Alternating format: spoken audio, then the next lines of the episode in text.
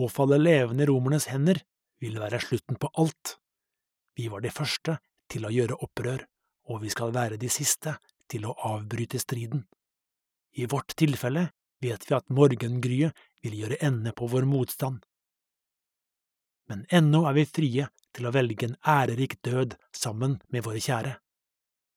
Dette kan våre fiender ikke forhindre, uansett hvor mye de higer etter å fange oss levende.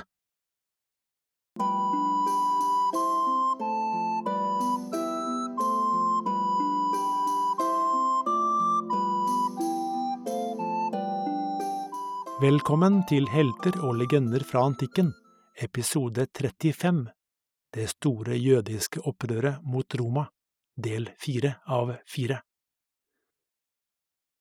I flere måneder har romerne strevet og slitt foran Jerusalems murer.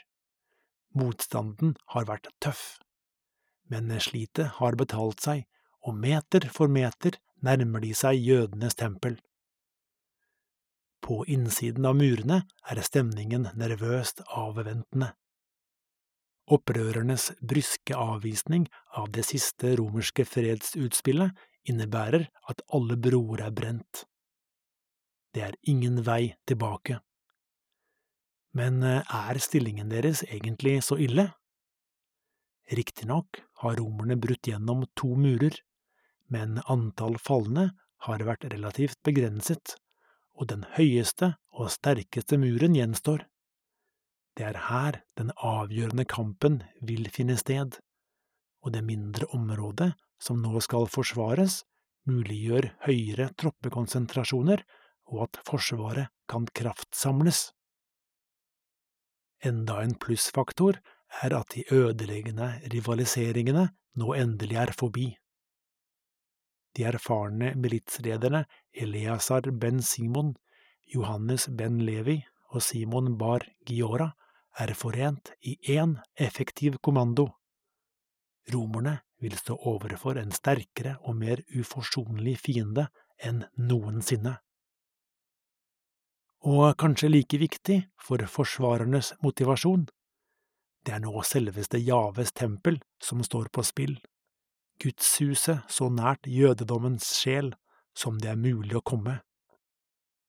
Selv i de vanskeligste periodene under beleiringen overholdes de daglige tempelritualene strengt, fordi disse gir en direkte forbindelse til Gud.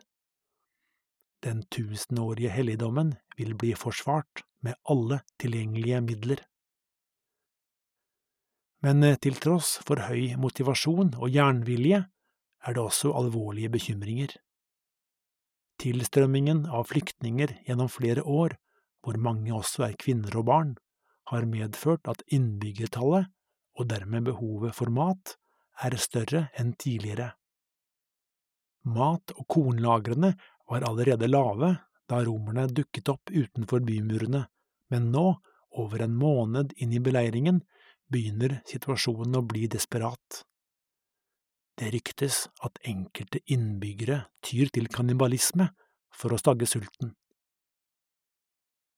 Titus er klar over at matvaresituasjonen i byen blir mer og mer prekær.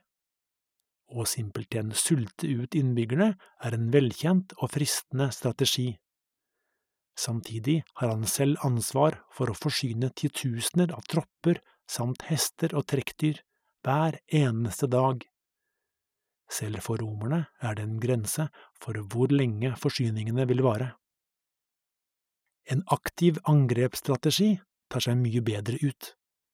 Det er mer ære i å bryte ned forsvarsmurene med rå makt enn å sitte på rumpa og vente på at utsultede innbyggere vifter med det hvite flagget så Titus gir ordre om å innlede neste fase. De formidable veggene de står overfor, krever en annen tilnærming enn før. Antonia-festningen er 18 meter høy, enkelte steder enda høyere, og den indre forsvarsmuren i forlengelsen av festningen er ikke mye lavere. Strukturene er utstyrt med forsvarstårn og brystvern som både gir god beskyttelse for forsvarerne og utmerket utgangspunkt for å pepre angripere med piler, spyd og andre kastevåpen. Generalen deler armeen inn i fire deler, som hver skal bygge høye ramper av jord og tømmer, to mot Antonia-festningen og to mot den indre muren.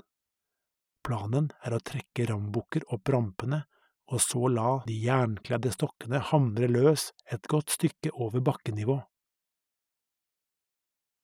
Gjennom 17 dager, under nær konstant bombardement fra oven, jobber legionærene med dette. Men når de med mye strev bukserer rambukkene opp rampene foran Antonia-festningen, skjer katastrofen. Plutselig kollapser bakken under den store vekten, og rambukker, treverk og menn forsvinner ned i bakken i et salig kaos. Samtidig siger det opp røyk og flammer som raskt antenner alt brennbart. Snart er trestrukturene overtent og ikke mulig å redde. Hva hadde skjedd?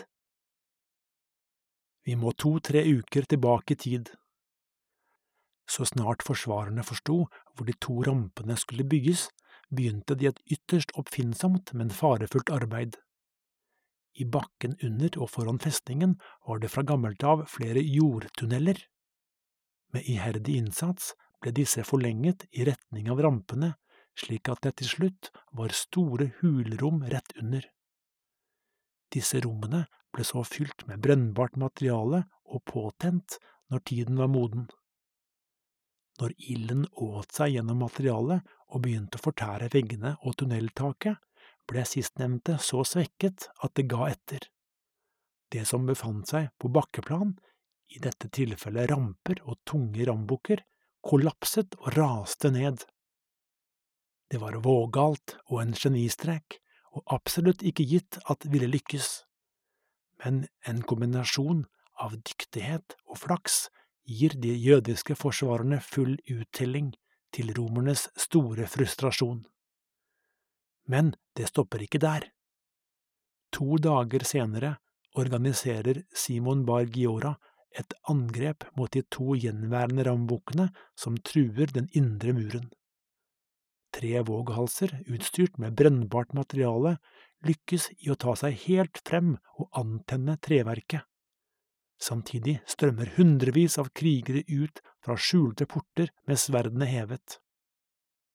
Angrepet er så overraskende og voldsomt at det tvinger legionærene tilbake, ikke bare vekk fra muren, men helt tilbake til leiren deres i den nye byen. Det blir igjen Titus som må ta kontrollen over troppene og organisere et motangrep. Kampene er voldsomme, og bakken farges rød av blod. Litt etter litt får legionærene orden på rekkene og presser jødene tilbake mot bykjernen og den indre muren. De oppfinnsomme og voldsomme angrepene forårsaker mye skade og setter de romerske forberedelsene flere uker tilbake. Enkelte av offiserene tar til orde for å kjøre på med et storskala angrep med stiger mot indre mur, men Titus anser risikoen som for stor. Det er ingen annen utvei enn å bite i det sure eplet og starte byggearbeidene på nytt. Romerne er forbitret, og hendelsene markerer et vannskille. Fra nå av er alle midler tillatt. Titus gir ordre om at det umiddelbart skal reises en mur rundt hele byen, som skal hindre at det smugles inn mat og andre varer. Etter få dager er den åtte kilometer lange muren på plass, komplett med vakttårn bemannet av romernes støttetropper. Effekten på matvaresituasjonen i byen er umiddelbar, og selv de rikeste strever med å skaffe seg mat. Det er også på dette tidspunktet at enkelte innbyggere, særlig velstående personer og folk fra eliten, ser sitt snitt til å rømme byen. Kildene beretter om en episode hvor to soldater i beleiringsstyrken kommer over en gruppe desertører, dreper dem og deretter kutter opp magesekken deres i den tro at de har svelget gullmynter som de kan stjele. Offiserene gir ordre om at denne praksisen er strengt forbudt, fordi det vil føre til at færre vil ta sjansen på å desertere. Den nye fasen i beleiringen gjør at romerne kaster de fleste hemninger, og korsfestelse av tilfangetatte krigere, utført lett synlig foran murene, blir vanlig. Men ikke bare krigere blir ofre for dette. I tiden som kommer, blir hundrevis, kanskje flere tusen mennesker korsfestet. Mange av dem er vanlige innbyggere som i desperasjon sniker seg ut for å skaffe mat i hagene og skogholtene rundt byen. Å bli spikret fast på et kors er en særdeles smertefull måte å dø på. De fleste blir kledd nakne og pisket, for de holdes nede med makt og gjennombores med kraftige jernnagler i underarmene og like ved anklene. Hvis naglene treffer en pulsåre, blør offeret raskt i hjel men dette var å regne som et arbeidsuhell fra bødderens side. Poenget med korsfestelse er tross alt å forlenge pinen så mye som mulig, og spre skrekk til alle som er vitne til den. Når korset endelig reises, trekker tyngdekraften kroppen ned og øker smertene, og med armene strukket ut til siden og oppover blir brystkassen trukket inn slik at lungene ikke klarer å utvide seg. Åndedrettet blir snart grunt, og offeret klarer ikke lenger å kvitte seg med karbondioksid. Til slutt inntreffer bevisstløshet, og siden åndedrettet nå er avhengig av kraftig anstrengelse, vil det raskt stoppe. De færreste overlever mer enn en dag. Men for de som hørte ofrenes fortvilte smerteskrik, satt minnene i hele livet. Også inne i byen fester mannen med ljåen grepet. Matmangelen medfører at folk begynner å sulte i hjel, og ettersom antall døde kropper snart overgår kapasiteten hos de som besørger begravelser, blir stadig flere døde lempet over kanten av bymuren. Ikke bare byens sultofre ender opp på denne måten. Det samlede presset fra romernes brutale metoder og effekten av langvarig matmangel slår kiler inn i samholdet som i lang tid har vært normen. Flere prester av høy byrd og en gruppe aristokrater anklages og henrettes for forræderi. En gruppe soldater som planlegger å desertere etter romerne, lider samme skjebne. Revolusjonen i Jerusalem fortsetter å spise sine egne barn. De forvridde likene i raviner og skråninger under byens murer fortæres sakte av insekter, mark og gnagere mens de avgir en råtten eim av død. Endetegnene for apokalypsen har kommet, men ennå er det ikke Jerusalem falt. Det er blitt juni måned, og Titus gir ordre om at arbeidet med å gjenoppbygge rampene skal intensiveres. Snart er åsene rundt byen ribbet for tømmer. Alt fokus er rettet mot Antonia-festningen. Faller den, vil veien til tempelhøyden, som ligger rett på den andre siden, ligge åpen. Etter 21 dagers beinhardt slit i varmen er de nye og forbedrede rampene klare til bruk. Igjen klargjøres rambukkene, og denne gangen er oppbudet av rustningskledde legionærer større enn noensinne. Forsvarerne er smertelig klar over at de nok en gang må forsøke å uskadeliggjøre fiendens beleiringsvåpen, men angrepet som kommer, er verken overraskende eller effektivt. Aggressiviteten som kjennetegnet de foregående utfallene, er som blåst bort og etter en kort og ganske tam trefning trekker den jødiske styrken seg tilbake. Når rambukkene dyttes opp rampen, lar jødene det regne med stein og kastevåpen, men det er lite annet de kan gjøre. Snart høres igjen den ubønnhørlige lyden av jernkledde tømmerstokker mot mur. Noen soldater er også utstyrt med jernspett, som bankes inn og brekkes til side for å løsne biter av muren. Men selv om romerne jobber hardt hele dagen, er effekten på muren minimal. Antonia-festningen er solid bygget og står støtt som fjell. eller gjør den det? Både romerne og de jødiske forsvarerne er inne for en gedigen overraskelse. For jødenes underjordiske tunnel fra Mai, i kombinasjon med den enorme vekten av rampen og den ustanselige bankingen, har gjort bakken ustabil, så den gir etter, med det resultat at en del av den nordlige muren til Antonia-festningen plutselig raser sammen. Men for romerne byr dagen på nok en overraskelse, for gjennom åpningen i den kollapsede hovedmuren ser de rett på enda en mur. Denne sekundære muren er mindre enn den ytre, og ikke av samme kvalitet, men likevel en alvorlig hindring for videre angrep. Tolv soldater melder seg likevel frivillig til et vågalt angrep, men dette mislykkes fullstendig når en skur av stein og håndvåpen dreper anføreren og flere andre.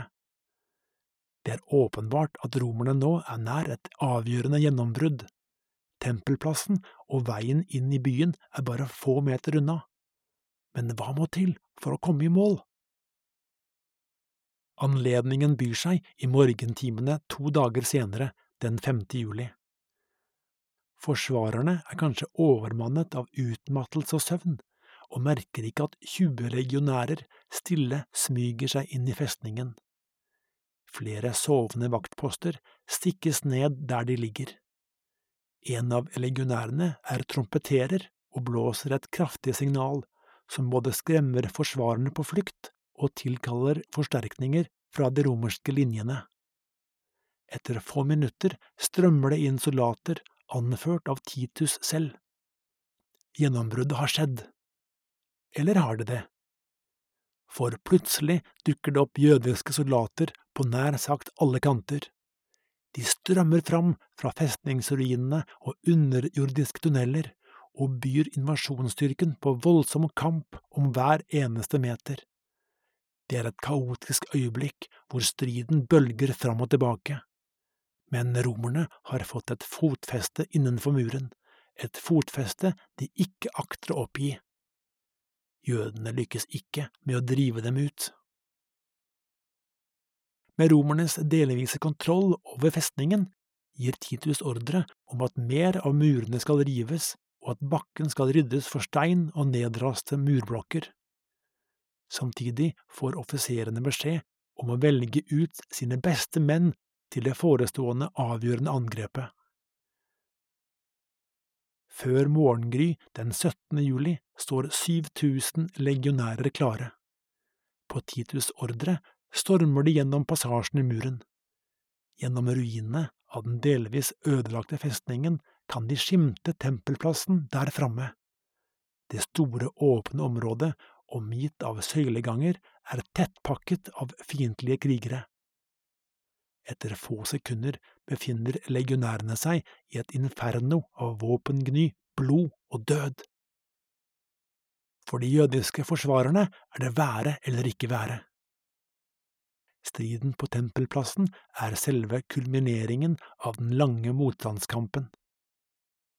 Noen av dem var vitne til Florus' nedslakting av sivile i Jerusalem fire år før, og Cestius Gallus' mislykkede forsøk på å bringe byen i kne noen måneder senere, et forsøk som endte med en fantastisk jødisk seier ved Beth Horon. Andre har mistet gård og grunn, eller hele sin familie, under Vespasians nådeløse ild- og sverdkampanje i Galilea i år 67. Og gjennom tre måneder har de alle kjempet hardt og ærerikt mot Titus' fire legioner og hans tusener av tropper som uke for uke har det strammet grepet om byen. De har gjort alt de kan for å holde fienden stangen, men demningen har bristet, og tungt bevæpnede legionærer strømmer nå ut på plassen foran dem. Kampen på tempelplassen blir nådeløs. Kompakte kolonner av romerske soldater, beskyttet av skjoldborger, støter fremover mot de jødiske linjene. Det er bare noen hundre meter mellom romerne og Javes tempel. Forsvarerne kjemper med ryggen mot veggen. Romerne er godt trent for denne type kamp, og synet av tempelet gir ekstra motivasjon og kampglød, Men eh, selv om tempelplassen er stor, er den ikke stor nok til at de kan engasjere fienden på en bred nok front, og mange soldater bak i rekkene blir stående og stampe. Et annet problem er at jødene kontrollerer takene over søylegangene og sørger for en konstant, dødelig strøm av piler, spyd, bolter og stein fra oven. Etter flere timers hard kamp er situasjonen blitt uholdbar, og de romerske kommandantene beordrer tilbaketrekning for å unngå ytterligere tap.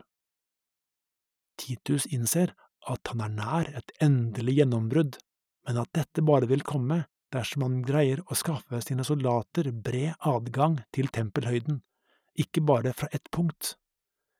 Så for å utvide fronten gir han ordre om at restene av Antonia-festningen skal rives, og at det skal bygges fire nye ramper ved muren til tempelhøyden. De enorme operasjonene foregår i en tid på året da varmen er som verst, og for å beskytte seg mot kastevåpen fra oven må legionærene jobbe med full rustning. Det er et blodslit, men arbeidet gir resultater. Mot slutten av juli kan rambukkene trekkes opp rampene og begynne sin ubønnhørlige hamring mot murene. Romerne har også klargjort angrepstårn og lange stiger dersom muligheten for et plutselig gjennombrudd skulle by seg.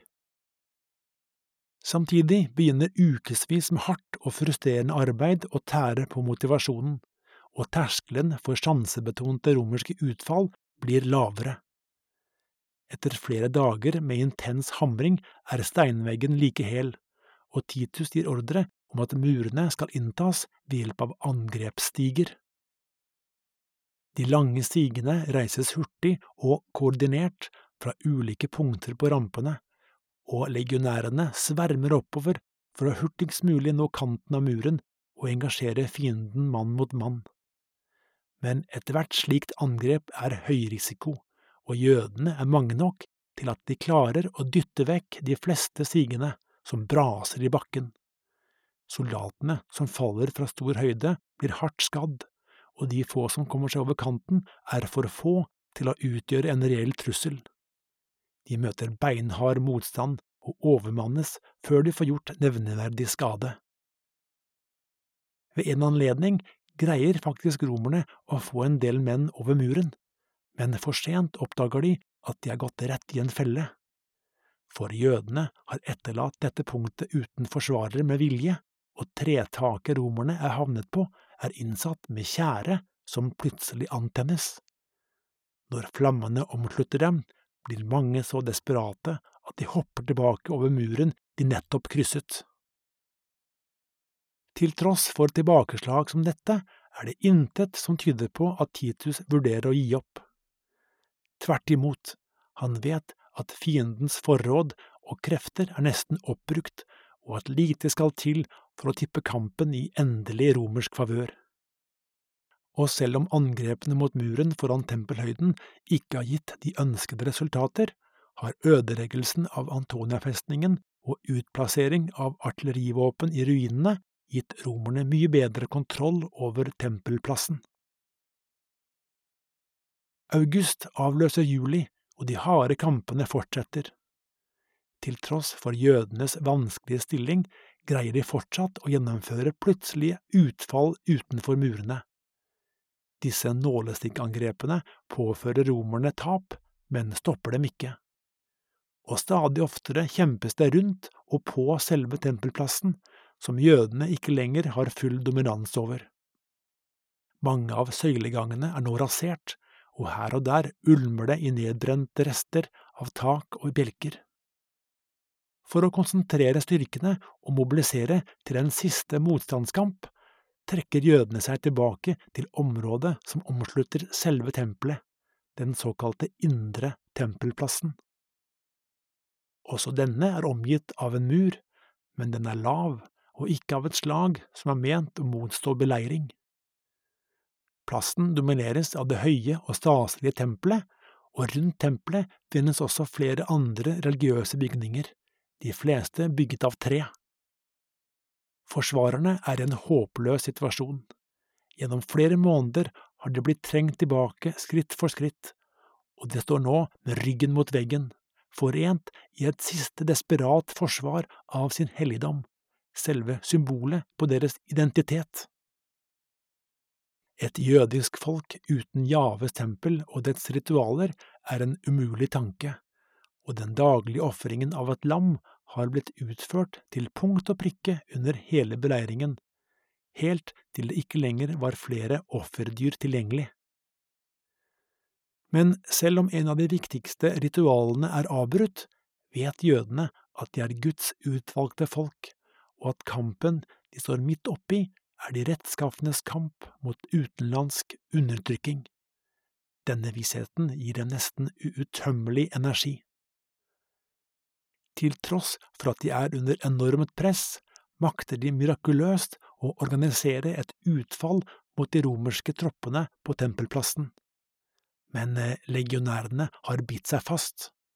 Med sine gladiussverd og massive skjoldborger viker de ikke. Ferten av blod og seier er sterk, og Titus vet at lite skal til for å tippe kampen i hans favør. Og det er i dette øyeblikket det skjer. En oppmerksom legionær ser at vinduet til en av bygningene på innsiden av muren er åpen, og kaster inn en brennende kjepp.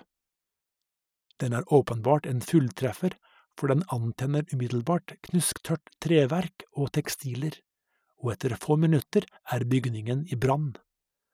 Også andre brannfakler kastes inn på området, og snart stiger det svarte røyk opp fra den indre tempelplassen. Forsvarerne blir i villrede. Skal de forsøke å slokke brannen og redde bygningene, eller skal de fortsatt bruke alle ressurser på å holde romerne stangen? Mange velger det første. Valget de tar, får skjebnesvangre følger. For oppildnet av muligheten som brannen har gitt, tar en gruppe legionærer seg over muren og angriper foran selve tempelet. Et voldsomt kaos oppstår. Larmen av krigsrop, smerteskrik og knitrende flammer er øredøvende. Det er stål mot stål og kamp på liv og død. Noen forsvarere prøver febrilsk å slukke flammene, mens andre gyver løs på inntrengerne med dødsforakt. Samtidig er det som en demning har bristet. Flere grupper legionærer trenger seg inn og går i strupen på fienden. Noen setter kursen rett mot tempelet, hvor det oppstår blodige kamper foran porten. Etter kort tid er de første romerne inne i Javes tempel. Vippepunktet er nådd, og panikken griper forsvarerne. Nedslaktingen og ødeleggelsen blir nådeløs. Etter månedsvis med slit, tilbakeslag og forbitrelse ved å se sine kamerater dø, går legionærene amok. Blodrusen skyller gjennom kroppen mens de hogger ned krigere og prester i tempelet. Hellige gjenstander knuses, og tempelet stikkes i brann. Snart brer massakrene seg over hele tempelplassen, og i de påfølgende timene spares absolutt ingen, heller ikke gamle og små barn. Overalt ligger det døde kropper mens bakken under dem farges rød av blod. Konvensjonen er krystallklar. Jerusalem har avvist alle tilbud om forhandlinger og ytt hardnakket motstand. Byen må nå ta sin straff nedslakting, plyndring og slaveri. Titus er raskt på plass ved tempelet og hylles av sine menn. Ordene imperator og victor gjaller over tempelplassen. Etter en vanskelig, men ærerik beleiring har de endelig triumfert, anført av keiserens egen sønn. Soldatene vet at de vil bli rikt belønnet for sitt slit og sin lojalitet. Men ennå er ikke striden over. Da romerne stormet inn på den indre tempelplassen, klarte mange forsvarere å komme seg ut i tide, inkludert Johannes ben Levi og Simon bar Giora. Sammen med tusenvis av krigere strømmet de ut i byen og inntok raskt sterke forsvarsposisjoner, som kong Herodes gamle palass i den øvre delen av byen. Omgitt av høye murer og forsvarstårn er palasset solid befestet, og en godt motivert forsvarsstyrke kan holde ut lenge. Med dette kortet på hånda forsøker Johannes og Simon seg på et forhandlingsutspill. Hvis romerne lar de to lederne og deres kvinner og barn få fritt leide ut i ødemarka, ville motstanden opphøre. Titus fnyser foraktelig og meddeler at han maksimalt kan tilby sine fiender slaveri. Ikke overraskende er dette uakseptabelt for de to opprørslederne, og stridighetene gjenopptas dagen etter. Nok en gang må romerne begynne det tunge og farefulle arbeidet med å bygge ramper mot en godt forsvart festningsmur, men pågangsmotet er nå større enn noensinne, og etter to og en halv uke er arbeidet fullført. Stemningen på den andre siden av muren er preget av fortvilelse. Forsvarerne er så å si uten mat og forsyninger. Familiene deres sulter, og mange kamerater er enten drept eller såret. Når de skuer over mot tempelhøyden og tempelet, ser de røyk stige opp, smertelig klar over at deres helligdom er skitnet til, ødelagt og okkupert av fremmede soldater. De har endog fått nyss om at romerne har ofret en gris ved en av portene til tempelhøyden, en ubeskrivelig vanhelligelse. Har deres egen gud forlatt dem? Er det Guds vilje at jødene nå skal knuses under den romerske jernhælen? Spørsmålene er mange, men svarene få. Det eneste som er sikkert, er at romerne ikke vil gi seg før byen er fullstendig under deres kontroll. Den 7. september starter rambukkene sin hamring, og allerede samme dag kollapser deler av muren. Legionærene stormer inn gjennom åpningene og møter langt mindre motstand enn med tidligere trefninger. Det jødiske forsvaret er demoralisert og ukoordinert, og de som ennå yter motstand, hogges raskt ned av de hevntørste legionærene. Mange forsøker å flykte gjennom trange gater og passasjer, men drepes i forsøket. Simon Bar Giora søker tilflukt i en underjordisk tunnel i håp om å komme seg ut av byen, men han innser at det er håpløst, overgir seg og legges umiddelbart i lenker. Det samme skjer med Johannes ben Levi. Med den siste jødiske motstanden ryddet av veien, kan soldatenes plyndring av byen starte for alvor. En samtidig kilde beskriver det som skjedde. De strømmet ut i gatene med sverd i hånd, og alle de kom over, ble nådeløst hugget ned, og de som søkte tilflukt innendørs, ble brent inne.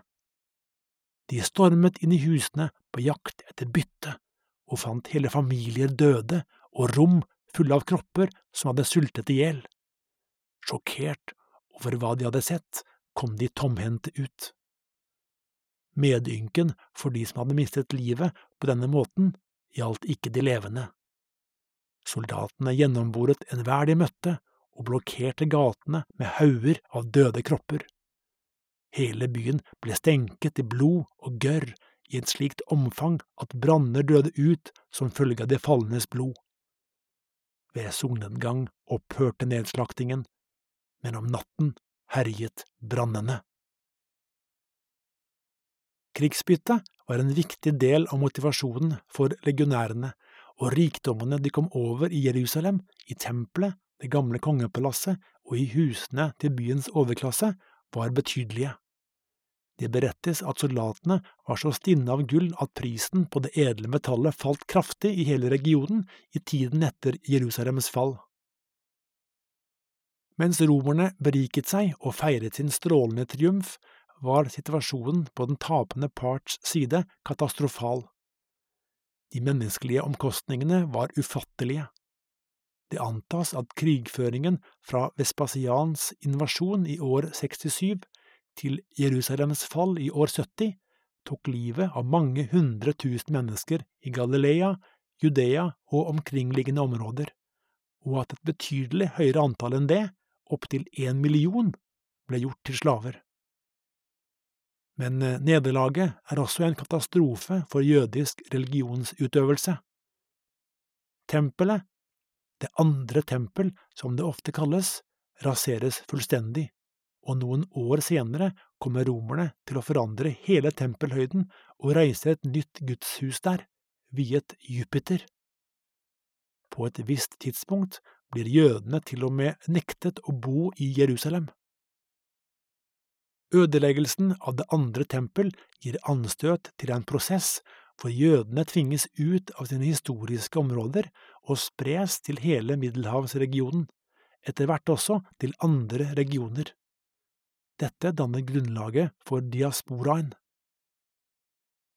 Var det egentlig noe håp om at forsvarerne skulle greie å motstå Romas raseri og beholde en selvstendig jødisk stat? Antagelig ikke. Provokasjonene i år 66 var altfor store til at det romerske militærdiktaturet kunne tillate det. En kan selvsagt forestille seg at gjenerobringen ble kraftig vanskeliggjort. Se for deg et utbrudd av en dødelig pest blant de romerske troppene, eller at Romerriket hadde blitt kastet ut i årevis med borgerkrig etter keiser Neros fall. Men eh, før eller siden ville legionene ha kommet tilbake. Roma var på høyden av sin makt, med tilgang til enorme ressurser, og Jerusalem var en viktig by i den østlige delen av riket, strategisk plassert mellom Syria og Egypt. Keiseren ville utvilsomt ha satt inn det som trengtes av ressurser for å igjen bringe byen under romersk kontroll. Et kraftig indisium på dette følger av det siste kapitlet i den romerske gjenerobringen av jødenes hjemland for selv om Jerusalem er hærtatt og nærmest plukkes fra hverandre bit for bit, gjenstår noen få lommer av hardnakket motstand, anført av karismatiske ledere med en usvikelig tro på at de rettskaffenes kamp ennå ikke var over. Vi må tilbake til den judeiske ørken, hvor en spektakulær og grusom historie ennå gjenstår. For i ørkenfestningen Masada høyt hevet over slettene vest for Dødehavet, befinner det seg om lag tusen mennesker, menn, kvinner og barn, som ikke har den minste intensjon om å overgi seg. Helt siden år 66 har de holdt til oppe på platået, i et bygningskompleks som i sin tid ble designet som vinterresidens og ørnerede for Herodes den store. Mennene i gruppen er sterke i troen og åpenbart dyktige med sverd og kniv, for de historiske kildene betegner dem som seloter og sikarier. Anfører er Eleazar ben Jair, en karismatisk og kompromissløs motstandsmann. Gruppen har stort sett vært forskånet for de bitre stridighetene ellers i landet, men de har ved behov trukket ned fra fjellet for å plyndre bosetninger i regionen. Sentralt i forsyningsstrategien er de omfattende matlagrene de fant da de overmannet den romerske garnisonen som holdt til der. I en karrig ørkenregion som denne er det likevel vann som virkelig er alfa og omega, men genialt nok er festningen sikret tilfredsstillende vannforsyning gjennom underjordiske sisterner og sinnrike små kanaler, som fylles opp når plutselige regnskyll pisker over landskapet i vinterhalvåret. Dette muliggjør dyrking av grønnsaker, til og med bruk av et svømmebasseng. Selv om festningen og alle dens fasiliteter, som oppvarmede gulv vinterstid og et lite, men luksuriøst palass, neppe er like fantastiske som under Herodes den stores tid, utgjør den fortsatt et formidabelt forsvarsanlegg. En langsgående, fem meter høy mur strekker seg rundt hele det 600 meter lange og 200 meter brede platået, og selve fjellet er omkranset av stup så høye som 400 meter og bratte skrenter, som kun muliggjør ferdsel på to smale stier. Den letteste av disse er vest for platået, men innebærer likevel at de som skal opp til festningen, må forsere en lang, steinete skråning. Stien er bratt og nesten hele veien eksponert fra oven. På toppen av dette kan festningen skilte med rikholdige våpenlagre. Masada fremstår som uinntakelig, og en gruppe godt motiverte forsvarere kan holde ut i mange år. Så er det overhodet noe poeng i å forsøke en erobring? Er ikke et slikt foretak dømt til å mislykkes? For romerne er det uansett bare ett alternativ. All motstand skal knuses. Å tillate at en festning, selv om den er aldri så liten og fjerntliggende, får fortsette å trosse Roma, er helt utenkelig. Én ting er det provokasjonen i seg selv, men det er også viktig å hindre at Masada blir et samlingssted for jødiske rebeller og et symbol på at alt håp ennå ikke er ute. Men eh, romerne har ikke bråhast. Det går nesten tre år før de retter oppmerksomheten mot festningen der ute i ørkenen.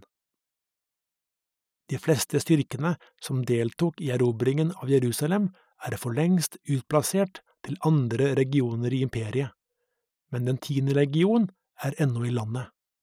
Så vinteren år 73 er det denne som står i spissen for styrken som marsjerer sørover, inn i den ugjestmilde judeiske ørkenen.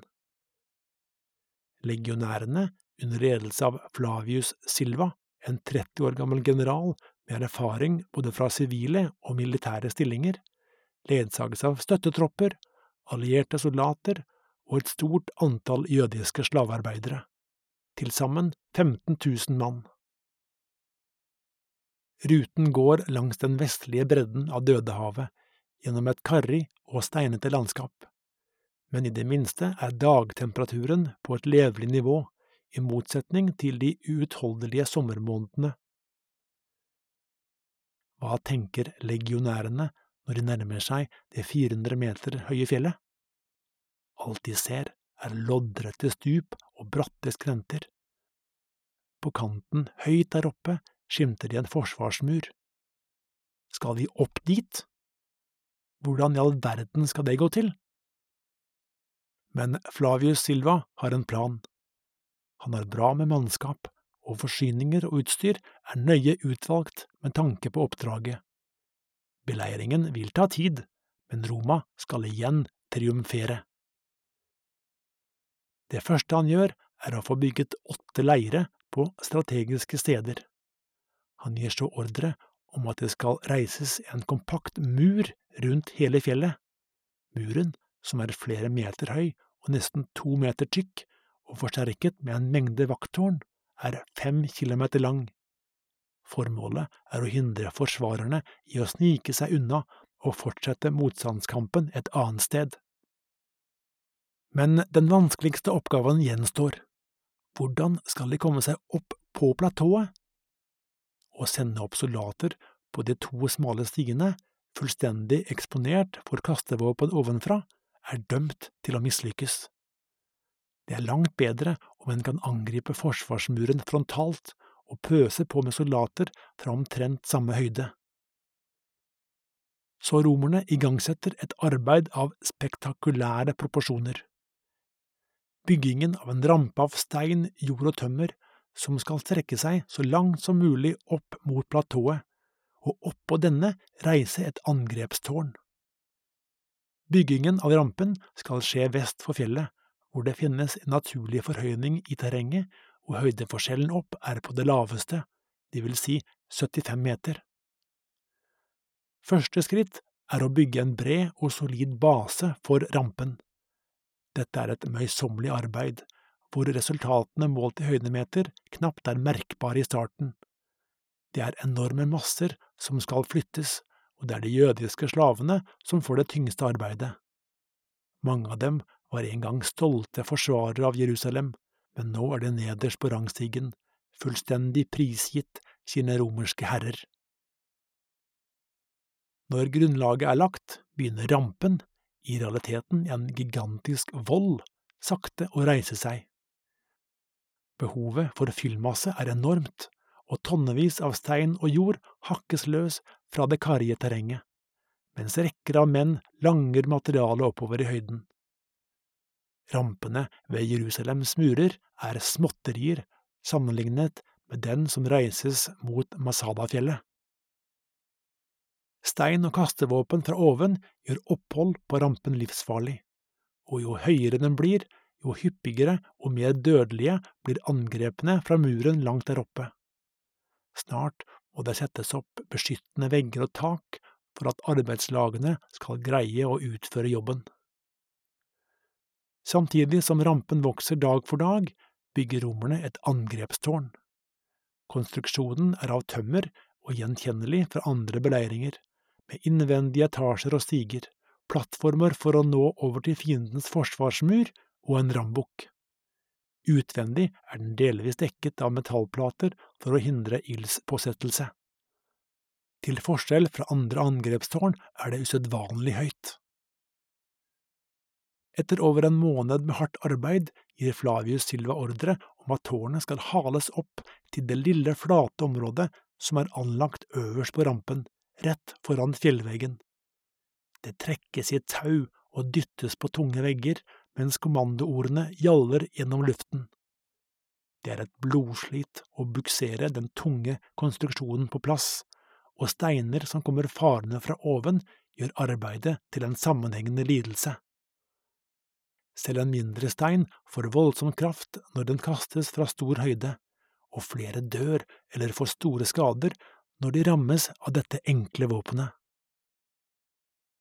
Men selv om det er nok av stein på platået, begynner forsvarerne å kjenne at det brenner under føttene på dem.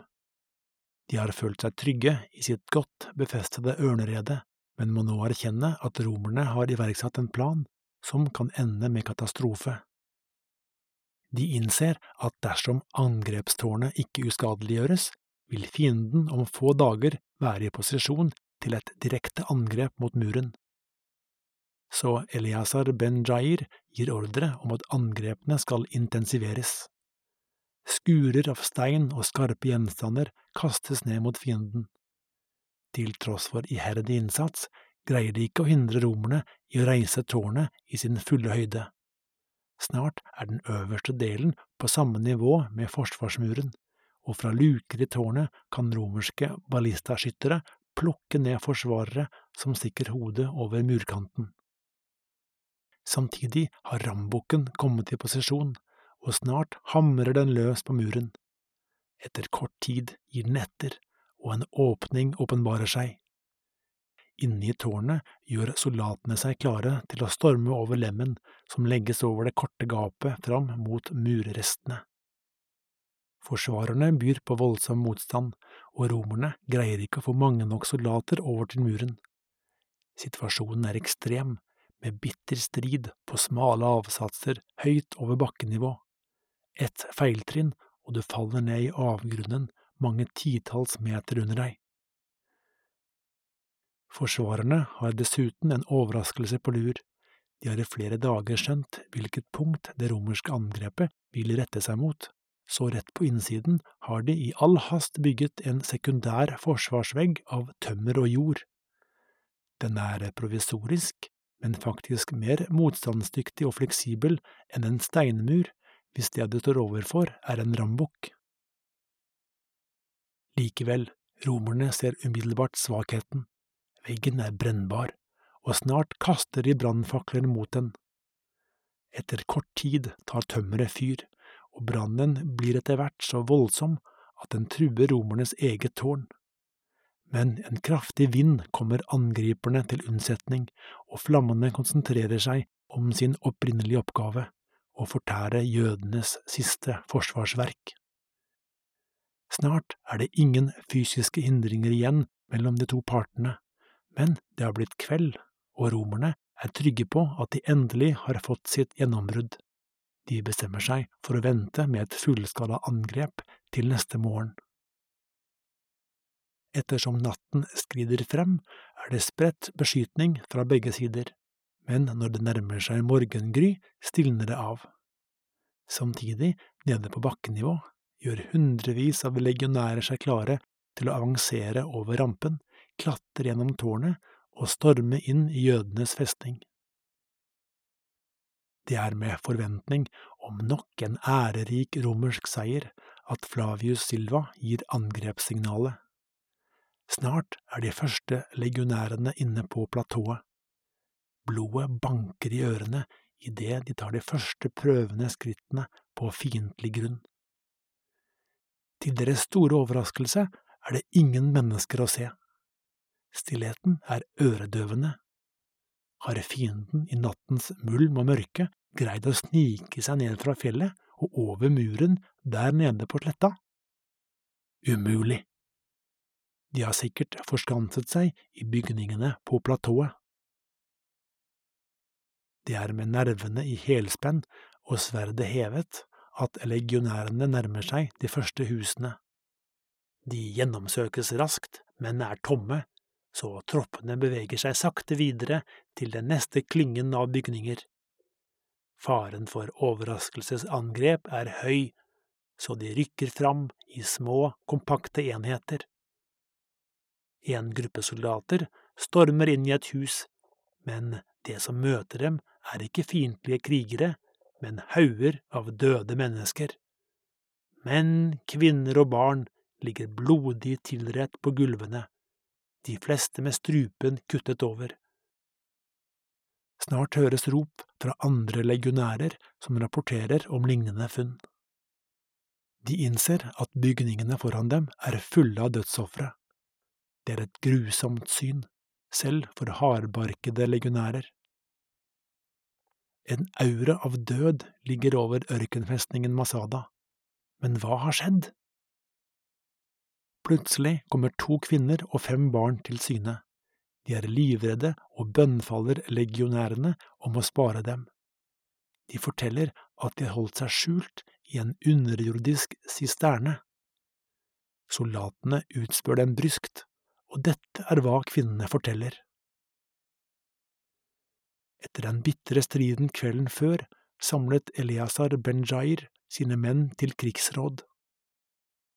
Han sa det var åpenbart at romerne hadde fått sitt gjennombrudd, og at de snart ville strømme inn på platået for et siste angrep.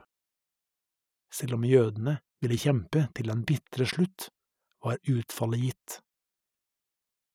Kvinnene beretter at Eliasar deretter tok til orde for en ekstrem utgang på beleiringen dette var ordene han brukte. Å falle levende i romernes hender vil være slutten på alt. Vi var de første til å gjøre opprør, og vi skal være de siste til å avbryte striden.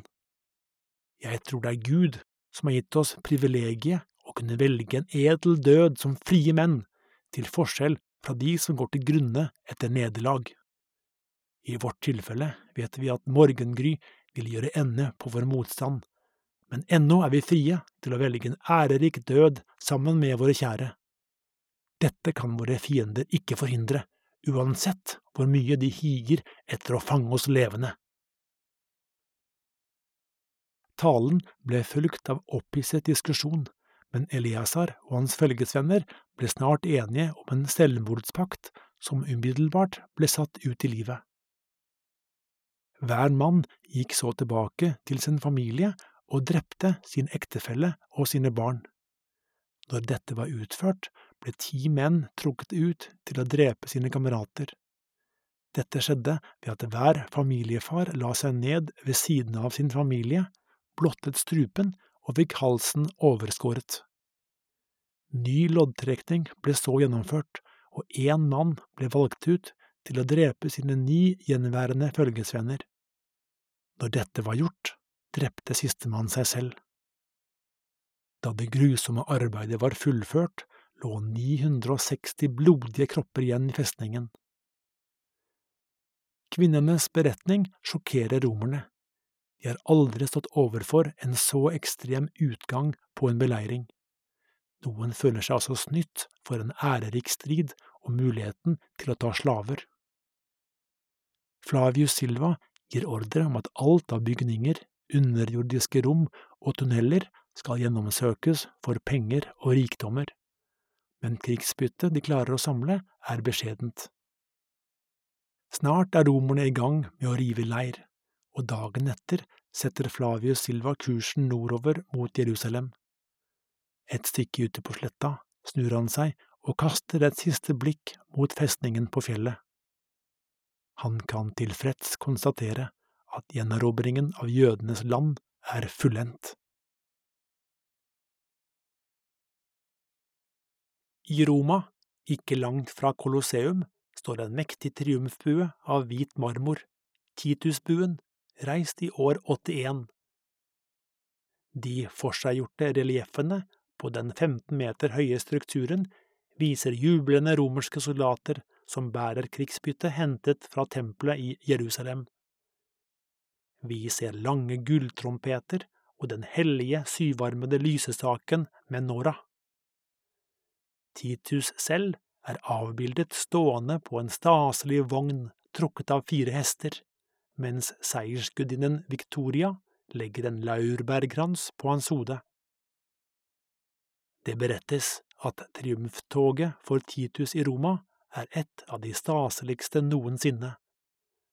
Planleggingen pågår i ukevis, og når den store dagen endelig kommer, er offentlige plasser og bygninger utsmykket på kunstferdig vis, med fargerike bannere og bilder av generalens heltmodige gjerninger, og boder og spisesteder er stinne av godsaker. Titusener av mennesker omkranser gatene, mens geledd etter geledd av stolte legionærer marsjerer forbi. Når Titus, den seierrike generalen og keiserens egen sønn, endelig kommer til syne og vinker til folkemassene, vil jubelen ingen ende ta.